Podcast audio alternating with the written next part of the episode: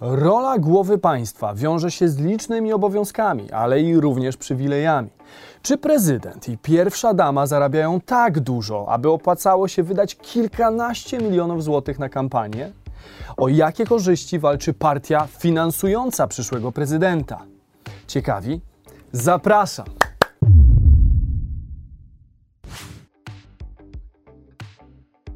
Cześć, tutaj Damian Olszewski i witam Was na kanale, na którym o pieniądzach mówimy ludzkim językiem i bez tematów tabu. Dzisiaj zatem zagłębimy się w to, ile dokładnie zarabia nowy prezydent Polski i jego partnerka, jakie mają dodatkowe przywileje i jak ich zarobki wypadają na tle przedstawicieli innych państw. Pod koniec materiału przyjrzymy się również zestawieniom majątkowym Andrzeja Dudy i Rafała Trzaskowskiego.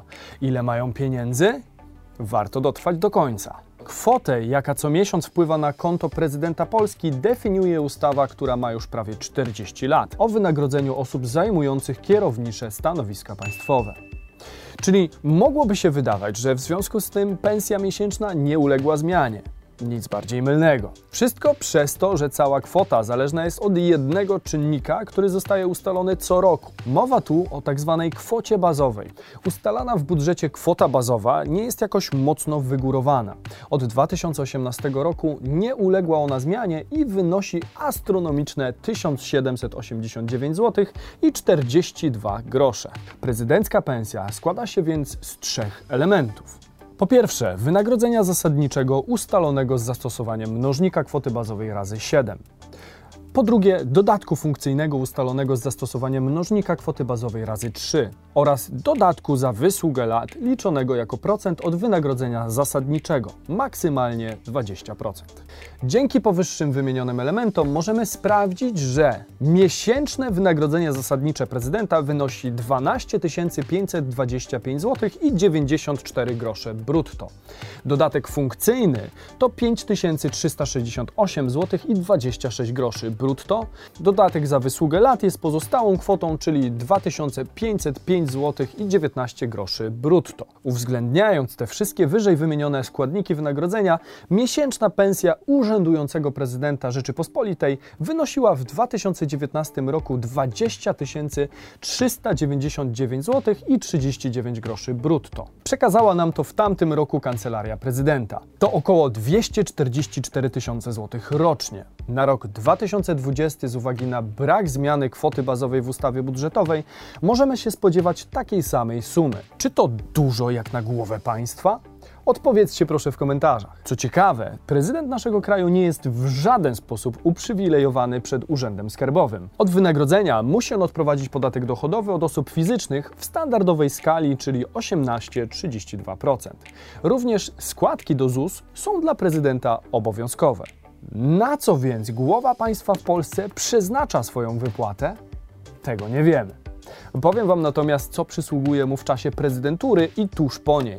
Otóż osoba pełniąca rolę prezydenta ma zapewnioną opiekę zdrowotną także dla małżonków i osób pozostających na jego utrzymaniu, pełne wyżywienie, czyli nie spotkamy prezydenta w biedronce na zakupach ubrania na oficjalne spotkania, w tym dla współmałżonka, mieszkanie, którym od 1994 roku jest Pałac Prezydencki w Warszawie. Dochodzi do tego możliwość korzystania z kilku rezydencji nad morzem czy w górach, samolot i śmigłowiec do pełnej dyspozycji, limuzyny wraz z szoferami do podróżowania drogą lądową. I nie zapomnijmy o całodobowej ochronie dbającej o bezpieczeństwo prezydenta. Brzmi całkiem przyjemnie, ale takie przywileje pozostaną z nim przecież wyłącznie w trakcie urzędowania. Pytanie zatem, czy kończąc kadencję eksprezydent zostanie z niczym i musi rozsyłać cefałki do firm? Jak państwo polskie dba o byłych prezydentów? Otrzymają m.in. dożywotnią emeryturę w wysokości ponad 9 tysięcy brutto, czyli 75% wynagrodzenia zasadniczego. 12 tysięcy złotych miesięcznie na prowadzenie swojego biura. Może też liczyć na limuzynę ze służby ochrony państwa wraz z szoferem oraz pozostaje pod ochroną nadmienionej służby. Porym dodatkowym źródłem dochodów dla byłych prezydentów są również wystąpienia publiczne czy wykłady na uczelniach. Posiadają oni dość unikalny zestaw doświadczeń i historii, które są bardzo wysoko wyceniane. Byli prezydenci jak pan Kwaśniewski czy pan Wałęsa przemawiają zarówno w Polsce, jak i za granicą. Lech Wałęsa pochwalił się kiedyś, że za przemówienie poza krajem otrzymuje nawet 340 tysięcy złotych. Jednak poziom jego rozpoznawalności poza krajem jest wyższy niż w większości polskich prezydentów. Ciekawi Was pewnie, jak wypada w zestawieniu listy płac pierwsza dama. Krótko mówiąc, pierwsza dama pełni funkcje reprezentacyjne, a więc nie jest jedynie żoną prezydenta. Skoro ma przypisane stanowisko i obowiązki, to logicznie rzecz biorąc powinna otrzymywać swoją wypłatę. Zwłaszcza, że w trakcie kadencji męża nikt nie pozwoliłby pani prezydent uczyć w szkole czy pracować na kasie w Biedronce, a więc pozbawiona jest możliwości zarobkowych. Na konto pierwszej damy nie wpływa jednak ani złotówka z budżetu państwa. Co więcej, obecny prezydent Andrzej Duda deklaruje, że ze swojej pensji opłaca żonie ZUS. Oczywiście może liczyć na benefity jak ochrona, darmowe jedzenie, podróże z mężem czy ubrania w celach reprezentacyjnych. Czy tak powinno to wyglądać? To już zostawiam do Waszej oceny. Jak natomiast nasza głowa państwa wypada na tle innych najważniejszych stanowisk z pozostałych krajów? Przykładowo prezydent największej gospodarki na świecie, czyli Donald Trump, rocznie zarabia 400 tysięcy dolarów, czyli około 33 tysiące dolarów miesięcznie. Z uwagi, że już przed objęciem urzędu był on multimiliarderem, całość kwoty przeznacza na cele charytatywne. Z kolei w Europie stawki głów państw bywają drastycznie różne. Kanclerz Niemiec Angela Merkel rocznie zarabia równowartość 369 tysięcy dolarów. Premier Wielkiej Brytanii Boris Johnson trochę ponad 200 212 tysięcy dolarów, a premier Węgier Viktor Orban czy Hiszpanii Pedro Sanchez około 100 tysięcy dolarów. Tak więc nawet jeśli byśmy oddawali pełną kwotę 20 tysięcy złotych miesięcznie, pomijając już kwestię opodatkowania, nie moglibyśmy spłacić w ciągu 5 lat naszej kampanii prezydenckiej. Przy tych założeniach w ciągu kadencji, odkładając pełną kwotę brutto, uzyskamy trochę ponad 1 200 tysięcy złotych a wiemy, że najbardziej kosztowne kampanie prezydenckie potrafią kosztować w okolicach 18 milionów złotych. Dlaczego więc partie są skłonne sponsorować swojego kandydata? Nie będziemy oczywiście omawiać całego procesu legislacyjnego, skrócimy go mocno, żeby przyjrzeć się samemu schematowi działania. Otóż, aby ustawa, nad którą Sejm uzyskał większość zwykłą, weszła w życie, musi ona zostać podpisana przez prezydenta. Jeśli natomiast prezydent jest nieprzychylny ustawie, może zastosować konstruktywne weto lub zgłosić ustawę do Trybunału Konstytucyjnego.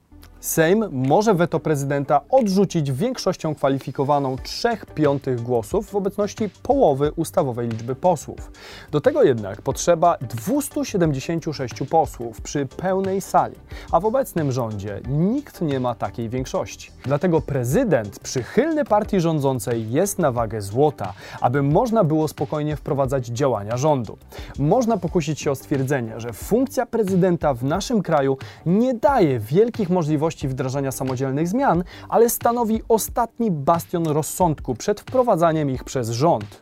Co ciekawe, o ile sam prezydent nie zarabia nie wiadomo jak dużych pieniędzy, to jednak utrzymanie jego kancelarii stanowi spore koszty roczne dla budżetu.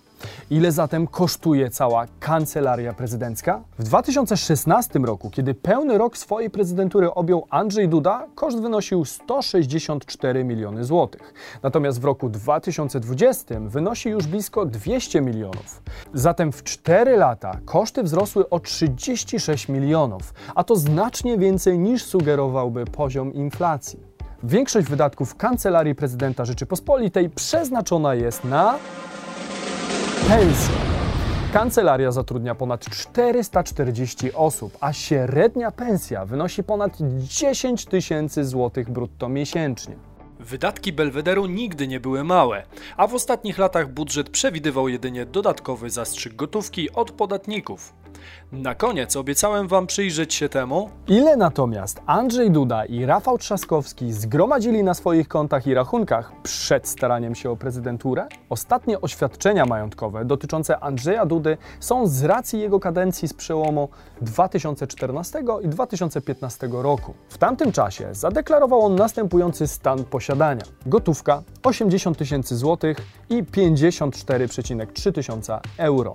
Nieruchomości 70-metrowe mieszkanie warte 400 tysięcy złotych oraz 80-metrowe mieszkanie o wartości 500 tysięcy złotych, jak i działka wyceniona na 100 tysięcy złotych.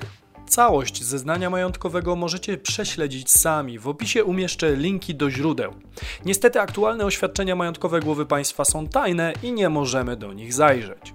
Ostatnie zeznanie Rafała Trzaskowskiego obejmuje natomiast gotówka 48 tysięcy złotych oraz 4,1 tysiąca euro. Nieruchomości 79-metrowe mieszkanie, którego wartość oszacował na około milion złotych, ponad 100-metrowe mieszkanie warte 930 tysięcy złotych. Całej reszty składników jego majątku możemy się doszukać w złożonym w maju tego roku oficjalnym oświadczeniu, które można znaleźć na stronie Urzędu Miasta Warszawy. Nie możemy poznać pełnego zeznania majątkowego prezydenta Rzeczypospolitej, więc możemy się jedynie domyślać, na ile taka pozycja w rzeczywistości się opłaca. A wy jak uważacie? Czy opłaca się zostać prezydentem w naszym kraju?